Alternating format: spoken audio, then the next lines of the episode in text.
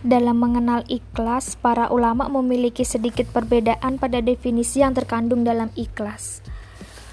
Ada yang berpendapat bahwa ikhlas adalah memurnikan niat dan tujuan untuk mendekatkan diri kepada Allah Subhanahu wa taala. Ada yang berkata bahwa ikhlas adalah mengesahkan Allah Subhanahu wa taala dalam beribadah kepadanya. Dan ada pula yang beranggapan bahwa ikhlas adalah perbuatan tanpa pamrih yang tidak berharap balas dari makhluk.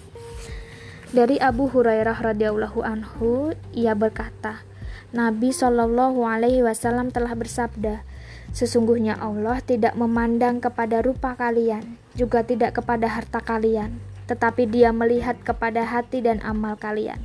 Hadis riwayat Muslim. Dalam konteks hadis di atas dapat kita pahami bahwa penilaian yang menjadi standarisasi oleh Allah Subhanahu wa taala tidak pernah melihat pada rupa jasmani, atau harta yang mumpuni. Allah Subhanahu wa taala secara mutlak menilai seseorang dari hati dan amal perbuatannya. Ketika menilai hati, maka tentu yang ditatap secara langsung oleh Allah adalah kerangka ikhlas yang ada dalam hati dan amal perbuatan tersebut.